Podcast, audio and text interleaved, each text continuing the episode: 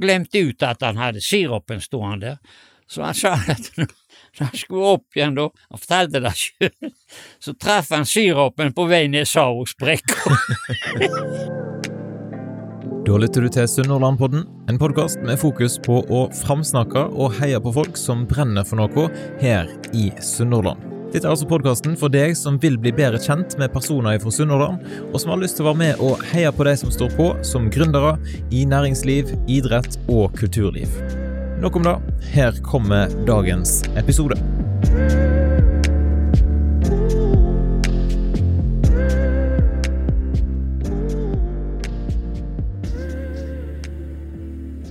Å ha gode lokale butikker er viktig, og en av de som i lang tid har vært en sentral kjøpmann i Sarvågen, er i dag på besøk i studio. Velkommen til Sunnhordlandpodden, Svein Jonassen.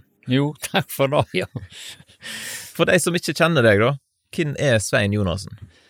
Ja, det kan du si. Jeg er nå, som sagt, født i 1930 i Sargen og oppvokst der, og har fulgt med alt der nede i alle år. Og vaks opp ned på kaien og fulgte med i alt som foregikk der, Ja. vil jeg påstå. Og i dag har du blitt en, en godt voksen mann. Ja, jeg er jo 92 år i dag, så Eller nå. Ja. Men fortsatt sprek. Ja, de sier jo så. Jeg føler nå litt Når du blir 92 år, og det er enkelte ting i lemmene som ikke er så helt sånn som før. up, up to date. Nei. Men eh, skal jeg fortelle hvordan det var for med oss ungene i Sagen, kanskje? Ja, hvis du kan fortelle litt om det. Hvordan var det å vokse opp i, på Det var 30-tallet? kjempefint. For vi hadde jo tre butikker da, Så solgte Den som far min hadde, det var jo assortert handel. Avertert, og da var det òg. Det var assortert så kolossalt. Det var nesten ikke den ting ikke der skulle selges. Og det var jo all slags eh, yrke i Saugen. Det var båtbyggere og gruvearbeidere og bønder og fiskere om en annen. Og de skulle alltid ha igjen noe ekstra. De sk- Fiskerne skulle ha garden, og bøndene skulle ha fòrmjøl og redskapet til all slags dyr, og vet du, det var hester, seler, vet ikke hva alt. Og alt det hadde far din? Alt det der skaffte han hvis ikke han hadde det. Og for sikkerhets skyld, hvis, den skulle ha en spesiell høvel eller hva slag, en båtbygger eller slik, så kjøpte han gjerne to, for sikkerhets skyld. Og så selger han jo den ene, den andre den ble jo liggende i hyllene. Så når jeg slutta opp, så det var utrolig hvor mye det var. Jeg eneste han, jeg sier de, han ikke holdt, det var fly og kanoner, det ble ikke solgt, men gevær og krut og kuler og haglgevær solgte han, og, og fiskesaker, og det var Og så var det nå alltid kolonial, da, i tillegg. Spiker og skruer og maling og Lagde jo maling før. Når noen skulle male huset, så lagde vi maling da. Jeg har lagd mange liter maling opp gjennom tida. Sto det, det var helst kvitt da. Hvitt de skulle male huset sitt. Og da var det sinkhvitt og linolje da, og stå og røre. Det var jo mye, det var tungt arbeid, bevare det. Hvor tidlig begynte du eh, i butikken å hjelpe Nei, til? Kan du si, det var så snart jeg kunne gå, da, for jeg er jo nesten født i butikken, så gal var det. Så jeg var jo alltid på butikken, og, og, og hjelptes til, det var jo noe vi kunne, ungene kunne gjøre der, vet du. Og da må vi sette arbeid som vi kunne, for ellers så får vi jo Mor mi var jo på, mye på butikken da, så vi styrte oss sjøl. Og så var det jo en enestående flott plass for Saug, ungene å vokse opp i Saug. Ja, hva gjorde dere på hvis dere hadde fritid? Nei, da vet du, vi hadde jo, det var jo tre skipsbyggeri der. Sagbruk og høvleri og møller. Og der for vi jo rundt, og, og over alt som gikk for seg der. Og, og så var det, det kom jo varer fra Bergen og Stavanger og Haugesund, vet du. Det kom jo, HSD hadde jo anløp der en to-tre ganger i uka. Og de varene skulle jo heim. Og så var det da, så i handkjerra, så vi kjørte alt heim til butikken, så vi kunne greie med ungene. Men eh, vi hadde jo voldsomt flott tilgang til alt, vet du. I butikken der hadde jo far min alt og verktøy. Og han hadde et lite verksted han. han. Han var voldsomt fiks med nevene, kan jeg si. Ubegripelig flinke var han. Og der fikk vi gjøre det vi lærte oss til med verktøy og, og, og material, for hadde vi jo både to sagbruk der, vet du, og høvleri og, og, og snekkerverksted. Og der fikk vi ei liste og alt som vi lagde leketøy, gjorde vi sjøl. Vi lagde sparkesykler, nesten sånn motorsykler av tre, vet du. Og så hadde vi den Savoksbrekka, da. Den ble jo brukt, da var lekeplassen vår. Ja, Der fikk dere god fart eh, nedover? God fart, ja. Det var skal jeg si vi gjorde da. Men heldigvis gikk det bra. Det var én en eneste som kjørte på sjøen en gang. For det var jo rett utfor kaien, da nå enden av brekka. Ja, sant. Men om vinteren så var det jo, da gikk vi på ski der, eller hoppbakke der. For det var ikke noe særlig trafikk. Det var vel rutebilene som kom en par ganger til dagen, og, og, og han drosjen, Vinsjeviken, ja, han, eh, han hadde jo fast plass der nede, og en annen sa hun, men det var jo ikke noe trafikk da på søndag, vet du. Da lå folk og hvilte middag, og da kjørte vi med kassabiler så det brakte ned gjennom brekka med ungene. Så ja. Og så hadde vi jo båt, og vet du, rodde rundt på Sagen og Fiska? Ja, fiska. Nei, det gjorde vi ikke ifra båt. Så, ja, ja, det var litt uh, Det var ofte pir innpå der i Sagen og i den tid. Så alle som hadde robåt, var ute og dogde til pir. Her så sto vi på kaien og fiska med snøre. Men det var jo som der gandaråta og Det ble ikke middag av det? Kviting og mort og sånt der, vet du. Ja. Det var det. Så for vi rundt om da på skipsfyret, som sagt, og på mølla var vi og fikk mjøl, og, og var på sagbruket og fikk material og lagde oss hytte oppe ved Haug og Hamar. Og så hjelptes til på forretningen når det var kunne gjøres. Hvordan var det med skole? Hvor ofte gikk dere på Nei, det var annenhver dag, da. Lærvi, nei, sa folkeskole. Da gikk vi Elvaveien, så det het. Det da gikk fint, da. Ja. Men husker du noe ifra 9. april 1940? Ja, det husker jeg. Iallfall litt. det jeg husker best, det var nå at eh, de fikk, det ble satt opp en svær plakat på veggen utenfor butikken. At alle de som skulle melde seg på til militæret. Og dagen etterpå, da begynte ungdommene som var alle og alt, melde seg på kaien.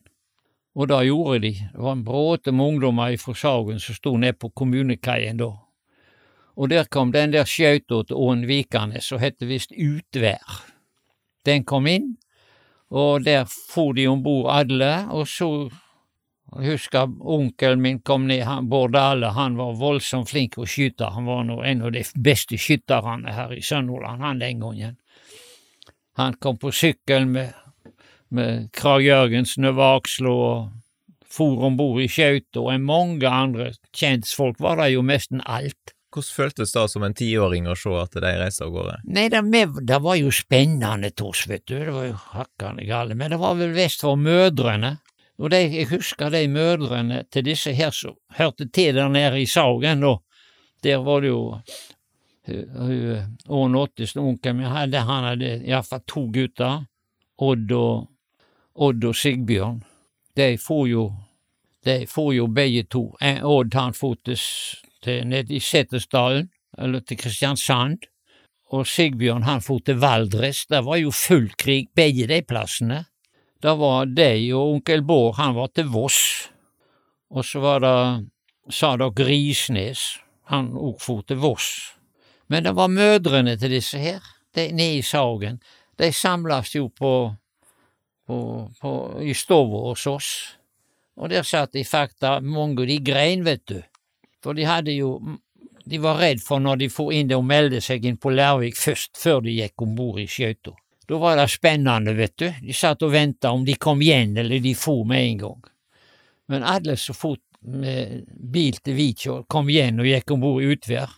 Mange av de, de for jo til i, i krigen. Ja. Men far min, han, Han hadde én ting å gjøre, han, enten å få fri eller stenge butikken. Og butikken kunne ikke stenges, så han måtte drive butikken, han, men så ble det oppretta en sånn egen kontingent i Saugen, med, med, med, med striksdyktige folk, kan det nær sagt. Og de okkuperte gymnastikksalen i nye Saug skole. Og der bodde de, der var far min òg, som det var noe de kalte det visst for nøytralitetsvakt. Så det var jo oppretta et eget stort kompani, heter det vel, dette her, så hørte til her. Så gikk de vakt og alle veier. Så, men jeg hadde jo den jobben, og de skulle jo ha proviant der ute, alle. Det var jo full skolen, det lå tepper rundt hele skolen, gymnastikksalen. Og der sto de og skjøt med luftgevær, og øvde seg. Det la jeg merke til. Og så var jo jeg ute da med proviant. Og far min bodde der, og han lå der, han og gikk på vakt opp når han ikke var på butikken. Altså, Så lenge som det holdt på. Ja, Så det preger, preger hele Savågen. Ja, fakta da. Er det andre hendelser i løpet av krigen som du husker godt? Ja, da når eh, Anna Sofie, den kisbåten som gikk ut, vi kalte de for kisbåter, vet du. Det var Haugesundsbåt. Anna Sofie, den hadde nett lasta der ute. Han hadde kasta løst og var kommet på seg ut ifra Kiskaien. Da sto jeg og en kamerat av meg, hans Birger Mathisen het han forresten, vi var mye i lag, og vi sto akkurat der som Stord Elekt, eller Aker Elekt, hadde kontor ut på neset der, så nå er det er en kafé der nå. Der sto vi, jeg vet ikke hva vi gjorde der, men og da kommer det et fly, gikk seint over Saugen, og så for det ut, og så forsvant det. Men så kommer det igjen, voldsomt lavt, og det gikk ikke fort heller. Og det gikk så lavt at jeg og Birger, vi, vi så to flygere, så nært var det altså, og for utover mot, over Jensaneset.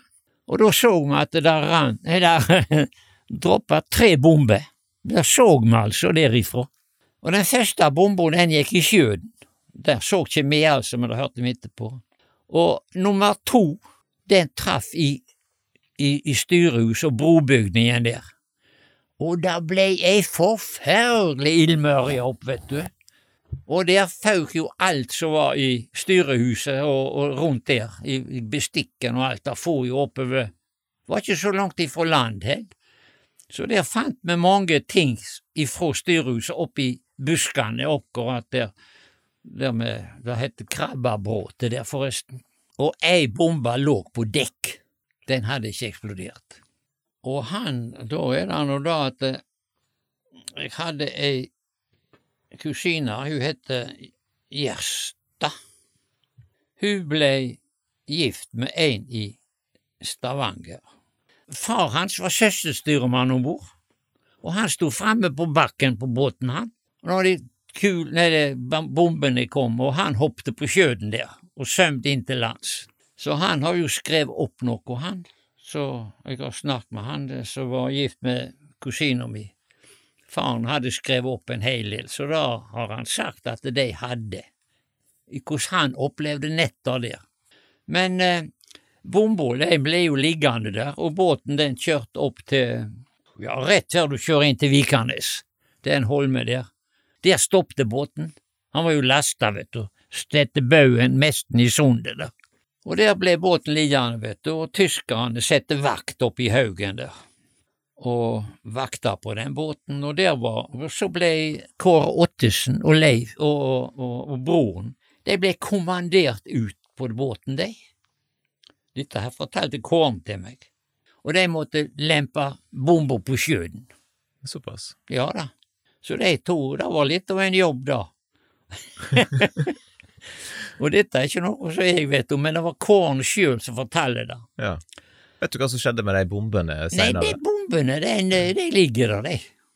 De er ikke tatt vekk. Ikke, jeg har ikke hørt etter det, ikke sa, jeg har ikke hørt noen som har nevnt om at det har vært tatt opp bombe. Det var da, og, og så kom det jo raid her, da, vet du. Ja, da de tok eh, kiskruene? Ja, og da ble det en fæla historie, da. Det begynte jo med at eh, ty, det ble jo sendt torpedoer fra MTB-ene. Det ble sendt to torpedoer i, rundt Kiskaien der. En traff nå helt ut i neset, rett opp der på, Så tyskerne hadde to kanoner der, ned på neset på Kiskaien, ei på hver side, liksom. Og den ene, den eh, traff de jo, så den så ut som en sånn uh, skraphaug. Men den andre var helt intakt. Nå må vi holde tråden i dette her. Og den der ene torpedoen den traff akkurat i neset under den der ene kanonen. Og den der var en svær sånn fortøyningsbøye, den hadde de Det var eneste så den torpedoen tok. Traff der, vet du, og den ble jo heven oppover neset der. Men eh, den der kanonen som sto der, den hadde de truffet med skyts ifra MTB-en. Og da våkna jo det, når den med inn i sagen, og den, de to torpedoene eksploderte. Det var det en våkna av. Ja. Og så ble det jo skyting, kolossalt med skyting innover Kiskaien av MTB-ene. Og da vet du, da var, folk ble jo livredde, vet du, og sprang i kjelleren, og det gjorde mediene i Sagen òg. Men det var ikke noe god plass. Vi var der i butikken til Ludvigsen, for den lå jo under fjellsida, skutt inn i fjellet, liksom, så følte seg trygge der. Og der var jo alle nede i Saugen samla inne der. Men det galne var jo at for framsida, eller på i Liv, der var jo speilglassrute, så det var ikke mye til Det var ikke skuddsikkert. Det var ikke så, men vi var, følte oss trygge der.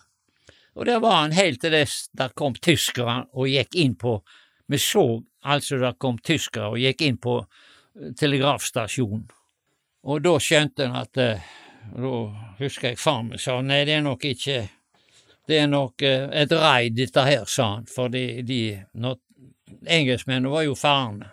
Det var jo engelskmenn, ja, det var skotter. Skotsk kompani som var der oppe. De var vel ca. 35 mann, skotter, og så var det fem-seks norske i den der eh, Så gikk til grua. Ja. Men det var noen som Skal jeg fortelle om dette her? Ja, fortell i vei. Noen, de som gikk på land på Kiskaien, de dekka Sagen, liksom. Inntil Almåsveien og utover til ned i Sagen. Det var to stykker som for og gikk rundt og patruljerte ned i Sagen og snakket jo med folk der som vågde seg ut. Men var det, det var to torpedobåter. En gikk inn til Kiskaien, og en gikk inn til Jensanes og sette på land de skottene den der som skulle opp og sprenge grua. Og det var jo tre-fire norske med der, som patruljeførere. Men det var jo skotsk han som var løytnant og sjef for de der som gikk, eller småsprang til gruene. Og de andre gikk jo rundt om i Saugen så, og dekka der. Og de måtte jo, for de slo Malmosveien, de Tyskerne kom jo med en, en bil med, med, soldater, og de ble jo stopp med Almosveien. Og, og, og, dagen etterpå, ja, da var det jo kjekt for oss, for da får vi se, for de hadde heljern på skoene, og så var det vært litt svakt rim om natta, og vi hadde altså flott vær. Jo, vi hadde det med ungene, ja. Men for å så hvor de hadde For vi så eh, ute etter det heljernet og alle veier de hadde vært. Fant dere masse tomhylser og Ja, da var det lå det mange plasser. Det var en, han hadde en, bare én fot. Han gikk på krykke. Han bodde i Poddel, der så brua gikk ut i Kiskaien. Og han hadde jo tatt krykka, han òg skulle inn og rømje, han òg. Og da traff han tyskere inne med Poddel, og så sporet de vel litt eh, papir, han, vet du, eh, på han. Og han tok neven inn og skulle hente pass, vet du. Og da fikk han ei salve her i den der stubben som han hadde gjennom foten, og der lå han. Men tyskerne tok han med seg, og han kom til i lag med han skrøt av det etterpå, da, for han og havnekapteinen for i samme fly til, eller båt til Haugesund på sykehus, så han døde ikke, altså. Noen andre i Sagen som ble tatt på noe, det vet ikke jeg om, altså. Der. I dag er episoden sponsa av Rema 1000 Sagvåg. Den 25. november så feirer Rema 1000 i Sagvåg fem år, så den fredagen inviterer Gunnlaug Almås til kaffe og kaker i butikken. Derfor anbefaler jeg selvfølgelig at du tar turen innom Rema 1000 i Sagog både den 25. november og når du trenger matvarer til bare lave priser. For husk, det enkle er ofte det beste.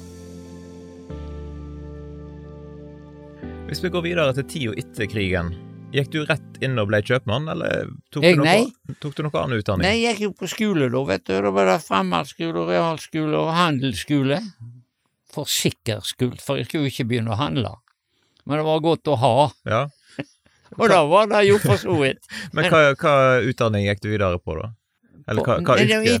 Nei? Nei, da gikk jeg i lære da på Stord verft. Jeg skulle jo utdanne meg til maskinist. Og da begynte jeg jo med Jeg gikk jo læretida der inne i mekaniske. Jeg var monterte motorer og gikk gjennom alt der inne på kjøttøyen, alle avdelingene.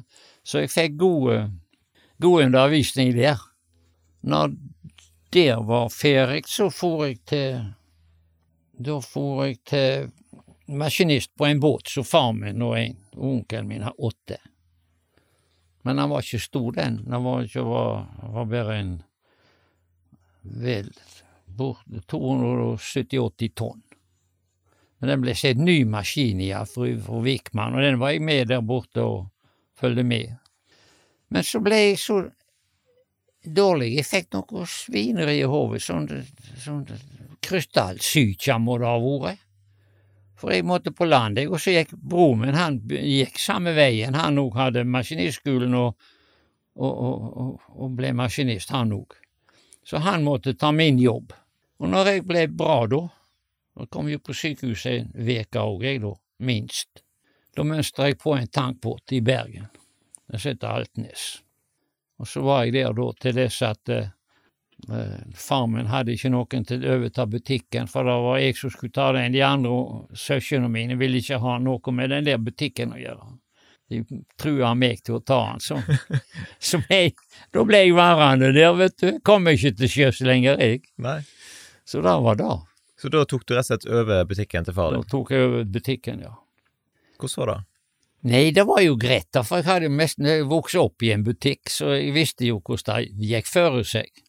Og så hadde jeg nå handelsskolen da, så greide meg der. Men far min, han var jo ved hvis det var noe, så han bakka meg opp, for han var jo sprek, han. Hvis det var noe spesielt, så han kjørte og, og, og hjelptes til, men når alt det andre med drift og helst brydde han seg, ville han ikke ha noe med å gjøre, han hadde jobba nok med det der. Så det var det. Men du bygde en ny butikk sjøl? Ja, da i 1960, da bygde vi opp den nye butikken, for den gamle den var ikke brukende, altså for lite og trangt var det der i oppkjøringa, vet du. Kundene kom jo ikke fram, vet du. Så ble jeg nå værende der, da, i den butikken til 1995. Da selger jeg den. Så da ble du relativt godt kjent med alle i Savogen? Ja, og det får du si, altså. Men far min var der jo fra før. Men han eh, han gjorde gyselig mye i sorgen, altså. Han eh, kan jeg nesten skryte av, altså. Han hjelpte så mye folk. Og det var, de hermer jo etter far, han bare for Hvis de snakket om han skulle ha hjelp, han sa han alltid ja, ja. Han sa aldri nei. Det var alltid ja, ja. Og satt de uten både penger og mat, altså, så er det å gå ned til Sigurd og høre om vi kan få låne eller få noe. Og det gjorde de.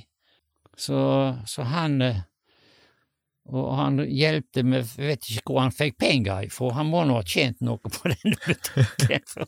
Han hjelpte musikklaget i gang, og da måtte han jo trø inn med, for han hadde kausjonert for dem. Og så hadde de jo ikke penger, så var det han da, vet du. Ja, han, han hjelpte all slags folk. Det var folk som satt uten familie, som satt uten mat. Det var enkelte som hadde det voldsomt dårlig. Kinete De ned til far min, og han hjelpte de. Og han var voldsomt flink. Og han, han, konkurrenten hadde kjøpt seg en gammel lastebil så de ikke fikk det gå. Og den som heiv lagerfrakken over seg og lå en hel dag og skrudde på denne lastebilen, så fikk han til i orden. Det var konkurrenten. Ja. Jeg vil si at det der var fint gjort. For det var flere butikker i Savågen på denne tida her. Ja, det var det. Jeg husker fra min oppvekst, og da husker jeg at eh, sant, Jonassen, da var jo dere på, på kaien. Ja, Og så var det Magnussen var også på kaien. ja han kom på kaien, men han var jo der borte så Rødland hadde butikk. Magnussen overtok jo Rødlandsbutikken, og, den var, og der var det òg bakeri. Der, nett så der så du gikk inn til høvleriet der. Ja, sant. Det var jo et svært hus med butikk og greier. Ja. Det var OK Rydland som drev den, og den overtok Magnussen og flytta bort på kaien. ja. Og så hadde du Sauen litt lenger oppe i gata. Han var sauen lenger oppe i gata. Og så var Myhre Mat eh, kom helt på toppen. Ja, men den kom jo seinere, da. Ja. Men var det flere butikker òg? Nei, det var skobutikk. Skobutikk, Ja, ja. Ludvigsen, det var rett overfor oss. Det var skobutikk og skomakerverksted. Der satt det faktisk tre gubber der og lappa sko og greier. For da, da var jo de to Ludvigsguttene, de var jo flinke skomakere. Men hvordan var konkurransen mellom eh, disse butikkene her, da? Den var voldsomt grei, den, før. Det ble jo litt forandring nå seinere, når det ble når Ojako, dette her greiene, kom inn på Lærvik da. Men før vi lånte av, av varer en annen og kjøpte inn i sammen nok større kvanta for å få det billig. Og, og lånte og så, så det var voldsomt greit forhold. De hadde hver sine varer så de skulle ikke blande seg opp i. Magnussen han hadde grovt salt og salt, og, og, og, og glass og, og spiker og sånt der. Det fikk han ha. Og Ole Saue, ja, han hadde den lenger oppe i brekka. Han hadde òg Han hadde bedre kolonialvarer, han hadde ikke noe så spesialgreie, han. Men eh, så var det far min, da, vet du, han hadde jo alt slags. Men det gikk jo fint, da. For det blanda seg ikke opp i noe annet, altså. Magnussen hadde alt ukeblad. Vi òg hadde jo det, men litt Magnussen få. Vi hadde en par ukeblad, vi òg. Eller far min, da. Men han sa at la Magnussen ha alle bladene, så han kutta ut bladene. Han lot Magnussen, så da hadde han alle bladene. Og det var jo sånn, sånn dreiv de, altså. Når du bygde din egen butikk, eh, hvordan ble den annerledes? Det, hadde du alt mulig der, eller var det litt Ja, men, til å begynne med, men jeg kutta ut litt og litt og litt og litt, for det gikk jo ikke an, vet du. Jeg fikk jo ikke plass til alt det hvis du skal utstilt det. Så vi, til slutt så enda det opp med bedre kolonial, og steintøy hadde vi. Ja, det var vel alltid kolonial og steintøy, og fiskesaker hadde vi òg, og maling. Ja, det var litt forskjellig. Ja, det var nå litt, da, men det var lite. Men vi hadde jo manufaktur før, vet du, der kutta vi ut. Og litt sånt der, der ja, litt steintøy, ja, så, så presang greie. Men helst så var det alltid kolonial. Men så hadde en jo utenom. Der gikk jo kål, koks og ved og, og sånt, og fôrmjøl og Da hadde vi jo, så lenge så det var kyr i saugen, så måtte en jo ha fôrmjøl. Og ved gikk der jo hele alltid. Og dere drev og kjørte og leverte varer rundt omkring. Ja. Ja. Da begynte jeg Jeg tror at eh, det var vel ingen andre kolonialbutikker i, i Stord kommune som kjørte varer til kundene. Det var farmen som begynte med. Han begynte da i 45, han, for da hadde han en, en liten varebil, og da kom det, fikk òg bensin, for det òg var noe. Men da begynte han å kjøre for at folk skulle slippe å sitte, for arbeidsfolka, de arbeider på lørdagen òg og mye fra rundt omkring. Og de kom inn på butikken og satt og venta på at eh, brødene skulle komme, ferske brød. De skulle jo ha brød med seg hjem til helga, og varer. Så dermed så satt de på butikken da og venta til dess brødene kom. Og da var det for meg å kjøre ut og Jeg forsto det sånn at du har òg vært levert varer her ute som, som jeg bor, i Dyvik. Å ja, vi begynte med det. Det var her, her og vi begynte, Ja, det var Dyvik og vi, tok ikke Peter seg en nett med det samme, men her i Dyvik var en av de faste plassene. Men var det en ni til fire-jobb å drive butikk? Nei da, det var når du reiste opp, da. Nå Nei, det begynner vel klokka Melka kom jo litt tidlig. Melkebilen var der vel i sju-åtte-ti, og da måtte en jo ned. Så, så kan si jeg var på Ja, jo, jeg begynner jo ikke før klokka sju, annet med store helger. Da måtte en jo opp klokka fem. Men eh, Heller så var det da. Så holdt vi på til dess vi var passelig lei, for det var alltid noe som skulle gjøres, vet du. Og så kunne vi ikke leie folk til alt. Så det ble til at en, eh, en sto på til dess en hadde gjort av grøvsta og var opp og ete litt og se litt, høre radio. Hva vil du si var det beste med jobben? Det var trivelige folk. Alltid kjentfolk som kom, og du fikk ikke kjede deg noe les. Vi hadde gyselig gode, kjekke kunder. Betjeningen var topp. Og da var det en kunde som sa hvordan har det seg, Svein, at du alltid har så kjekk betjening? Nei, jeg har henta de på øverste hylle, sa jeg. ja, for Det er en del folk som har vært innom og jobba og, og starta yrkeskarrieren sin i butikken din? Å, en bråte med jenter her. Så var det, De kom fra folkeskolen, vet du. Første de gjorde, det var ned til far min, ja, og, og meg, da, høre om vi kunne få Så begynner de da litt oppe. Hadde jo alltid hushjelp hjemme, for mor mi var jo på butikken òg.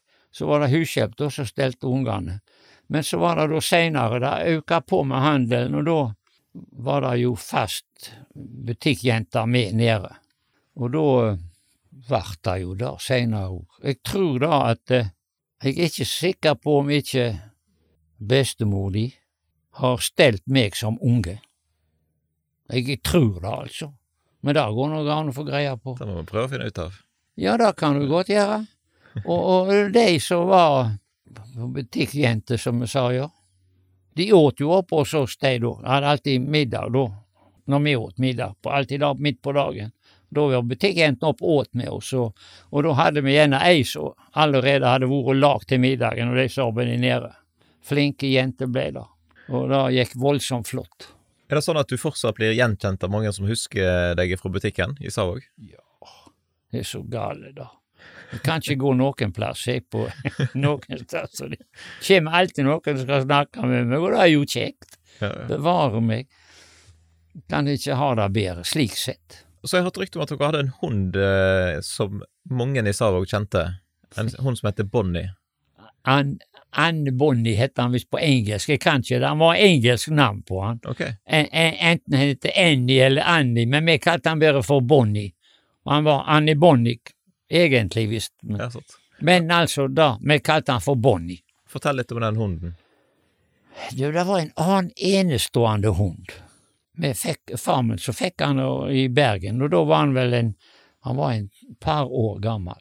Og den slo seg til ro der, den. Han var på butikken og hadde plass under skrivebordet, der lå han, når han var inne da. Men han gikk jo løs, og unger, og han slo lag når konene var der med badnavogn igjen, og da, var han alltid på plass. Og når de gikk hjem der, så slo han alltid lag med de der som hadde barnevogn, for da visste han at det var litt og da var han inne i kjøkkenet oppe ved Bunes og der da fikk julekake. Så han visste hva som skjedde da når det kom med barnevognen.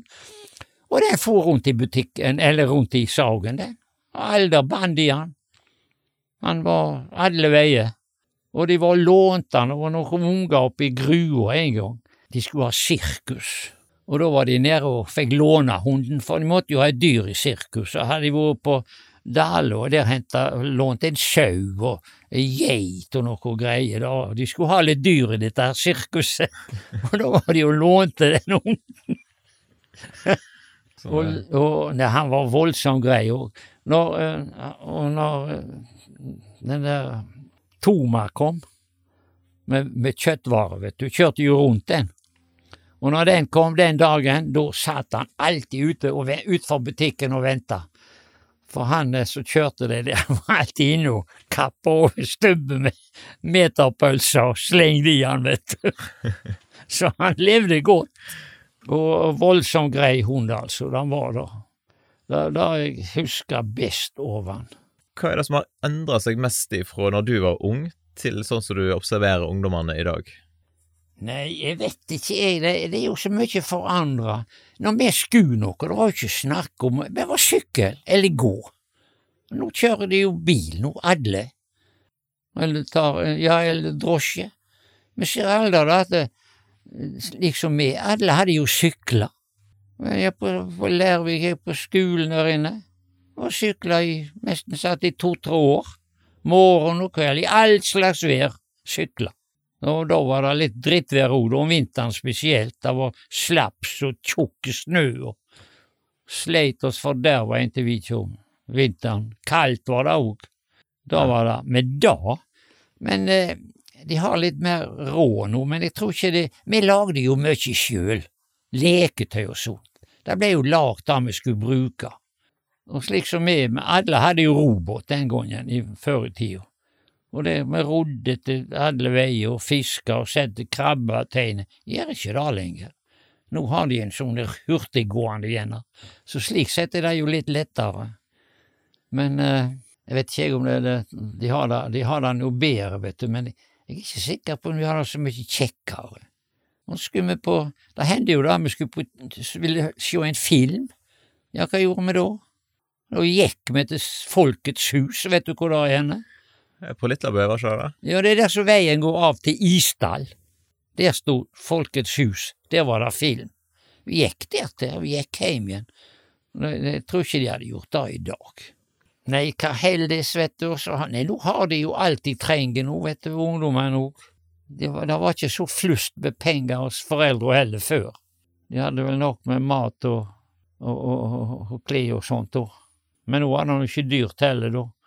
Hva var det filmen, gå på film til Grua, kostet to, tre, fire kroner igjen.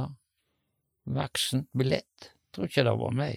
For noen år siden så flytta dere ifra det huset der butikken var, Ja, men dere flytta ikke så langt. nei. En hundre meter, vel. Hvordan var det å komme inn i ny leilighet i, i Sago, er ikke det det heter? Sago heter det der, ja. Hvordan det var? Eh, jeg har sagt det, og da står jeg med, altså, at vi i denne alderen kan ikke få noe bedre leilighet som vi har nå, altså. Det går ikke an. Det er topp alt. Jo, for det er det at vi, Du kjørte jo opp der, og så er det jo rett Det er så høyt trappetrinn, det er alt. Du skal inn i butikken, nei, inn i leiligheten. Oppvarmt gulv, varmt vann, oppvarmt og lys, det som har Det er sånn eh, termostat, vet du, som vi kan stille, og den stiller vi, så vi kan få den temperaturen vi vil, i alle rom. Og isolert, toppisolert. Så jeg sier, det er en eneste ting jeg sier vi kan klage oss på, det er hvis vi har vondt i en aksel eller eller noe. Men alt av det andre, så har vi nede for oss, på, det er ikke 50 meter bort, er det to frisørsalonger, tannlege, butikk rett overfor bakken. Hva er det vi trenger? Ja, du har alltid Savogen. Ja, vi har det altså. Det eneste vi ikke har, det er doktor. Da, og da kan du jo ikke få alle plasser. Men heller så er det så topp så det går an å få. Skjer det at du savner butikklivet? Om jeg savner det? Ja. Nei, ikke nett nå, men jeg hadde nok gjerne gjort det, for det var en trivelig plass. Voldsomt godt og kjekt arbeid. Og jeg tror at det var helsikt òg, men det var gyselig travelt, vet du, til dels. Og det var jobba alltid, men det var godt for helsa, for det var alltid bevegelse med en eller annen muskel, gikk hele dagen, og det tror jeg ikke var noe, det tror jeg var heldig. Og disse jentene som har vært der, de skryter, så jeg, iallfall til meg, hvor kjekt det var da. Så det er jo en god, attest. Absolutt. Hva tror du er den største forskjellen på å drive butikk før og drive butikk i dag? Ja, du får jo alt innpakka. Det er nå da. Det er lettvint. Før skulle jo alt, det kom jo, mjøl kom jo i sekker. Skulle tømmes oppi ei skuffe, skulle ause der oppi en pose, og på vikta. Det var litt klamt. Og det var gjær, skulle vi ha et halvt og gjær. Fikk gjæren en kilo, skulle klippe av da og ha, hæ? Og så skulle de ha sirup. Det var spesielt, kan du tru. Jeg skal se, fortelle om den. Men alt var skulle jo veies opp. Kaffe skulle opp og males kaffekvelden på disken. Og så satt alt skulle veies opp. Det var få ting som var ferdig. Meierismør i ei store så nesten ei lita tønn, et fat, trefat med Det skulle være grønnsåpe i løsvik. Hæ? Ja. Parafin skulle de ha. De kom, alle hadde jo parafin før. Skulle finne parafin, blant annet. Du må fortelle om sirupen. Ja, sirupen, den var, var Sirupen kom i fat. Jeg husker ikke, de var sikkert 120-30 kilo, et fat med, med sirup. Og det skulle rulles hjem, kom en båt da, og så skulle det opp på en, en hylle der, så det kom litt opp ifra gulvet. Ut på lageret var det den sto. Og så var det til å bore hull i den der sirup og sette til en, en plugg der. Og det gikk jo greit, da. Det var tungt arbeid der. Og eh, det gikk fint. da. Sommersdagen, da rann han jo, for da var det Temperaturen var fin. Da rant sirupen, da. Men når det var litt kaldt i været, så rann han så seint. Og da hadde de ikke tid å stå der, for de kom med sånne norgesglass og spann og skulle ha sirup oppi. Skulle den inn under der, og så var det ut med kroken, så, eller tappen, og så rann det oppi dette her kjerralet de hadde med seg. Men når det rant seint, så kunne de ikke stå der, vet du. Kundene sto inne og venta, og så satt de der der, og så skulle de inn og ekspedere litt i mellomtid. Så glemte en det ut, og det tror jeg de fleste har gjort. Og en gang var det så hakkande gale. Men jeg òg har gjort det, altså, men det var ikke så Jeg redda det i siste liten. Og faren min, vet du, òg glemte det. Han hadde så mye jern i ilden, han. Så eh, var det ei butikkjente da som hadde sett under, og så kunne hun ikke stå der og vente, for det rann jo så seint, vet du. Så gikk hun inn, hun og glemte ut hele greia. Men hun kom på det til slutt. Men da var det, det var for seint. Hun skulle bort og redde det som reddes kunne. Så var det en to-tre trappetrinn ned på lageret, og så skulle hun over da til veggen på andre sida, for der var sirupsfatet. Og så skulle hun redde dette her greiene, hun, vet du, og steg uti og skulle bort og over gulvet der og bort til Sirosfatet og sette det. Og dette var en så lim, vet du. Hun mistet balansen hun og trødde i sirupen og datt uti sirup. Og den var over hele gulvet. Og der lå hun, kom seg ikke løs. Far min sa at de måtte spane løst. For selger jo spara hun da, vet du. Måtte spane, for han kunne ikke bare Håret kom jo ned i sirupen òg. Det var katastrofe, vet du. Ja, ja, ja. Hun måtte jo bare kjøres hjem i en sekk, hun, vet du. Jeg var ikke med på det, altså, å kjøre henne hjem, men hun, hun måtte jo, fikk ikke den sirupen. Måtte kle seg av, hun vet du, og bade seg og vaske klærne. Det der var historie. Det var nå der. Men så var det oppe i bakken, der var jo sauen, vet du. Og han hadde en butikk ut, en, ja da. Og opp sauen der så han nye butikken, der var det det noe kaller for sauelageret. Og der, eh, der var det òg sirup der. Og han var ute for det samme, men han skulle ut på ned til Magnussen og ned på ekspedisjon, for han sa hadde ekspedisjon da, og hente noe. Og glemte ut at han hadde sirupen stående der. Så han sa at når han skulle opp igjen da, han fortalte det sjøl, så traff han sirupen på vei ned Sarosbrekka. Det var nesten tomt for han. Han hadde rundet utfor det, for det sto rett innenfor døra der. vet du. Der hadde det rundet over, og så var det rundet ned. Så, så mye historie om den sirupen. Du har jo levd et, et langt liv. Ja. Har du noe livsvisdom som du tenker at da må folk eh, få med seg? Visdommen er da at jeg har aldri røykt. Og det tror jeg er, for jeg legger merke til noe når jeg kjenner inn til en doktor, for eksempel. Det er det første de spør om. Røyker du? Det er viktig at de ikke begynner å røyke, men nå er det få som røyker. Og jeg vet han har jo vært til sjøs òg, på den tankbåten. Der skulle det jo ikke røykes. Og det var enkelte ting at det var en fordel òg. Og da var det mange om bord i tankbåten som var glad for at jeg ikke røykte. Ja, Men du angrer ikke på at du ikke du eh, reiste mer på sjøen? eh, At det ble butikkliv istedenfor? Ja, det ble det, for jeg måtte hjem og hjelpe dem, for jeg hadde ikke hjelp da. Og derfor jeg for hjem. Og så da traff jeg nå kona. så ble det til at Og da var det jo enda verre å fare ut. Traff du hun på butikken, eller? Nei, jeg traff henne på Lærvik. En butikk, hun sto på butikk der, hun. Så Og så fikk du lokka med deg til Savogen. det var jeg som lokka henne med, ja. ja. Da sier jeg tusen takk for besøket. Og så Ja. ønsker vi deg noen gode dager videre i, i Sago. Ja, takk for det. Takk for at du lytta til dagens episode av Sunnhordlandpodden. Og har du lyst til å gi en tilbakemelding, så er det kjempestas om du sender en melding enten til meg eller til eh, gjesten som jeg hadde med meg i dag. Det er alltid inspirerende å høre ifra deg som har lytta til episoden, hva du syns. Har du lyst til å gi podkasten en vurdering i Apple Podcaster eller noen stjerner på Spotify, så setter jeg òg stor pris på det. Har du kritikk og konstruktiv tilbakemelding, så er det jo kjempestas om du sender en e-post til f.eks.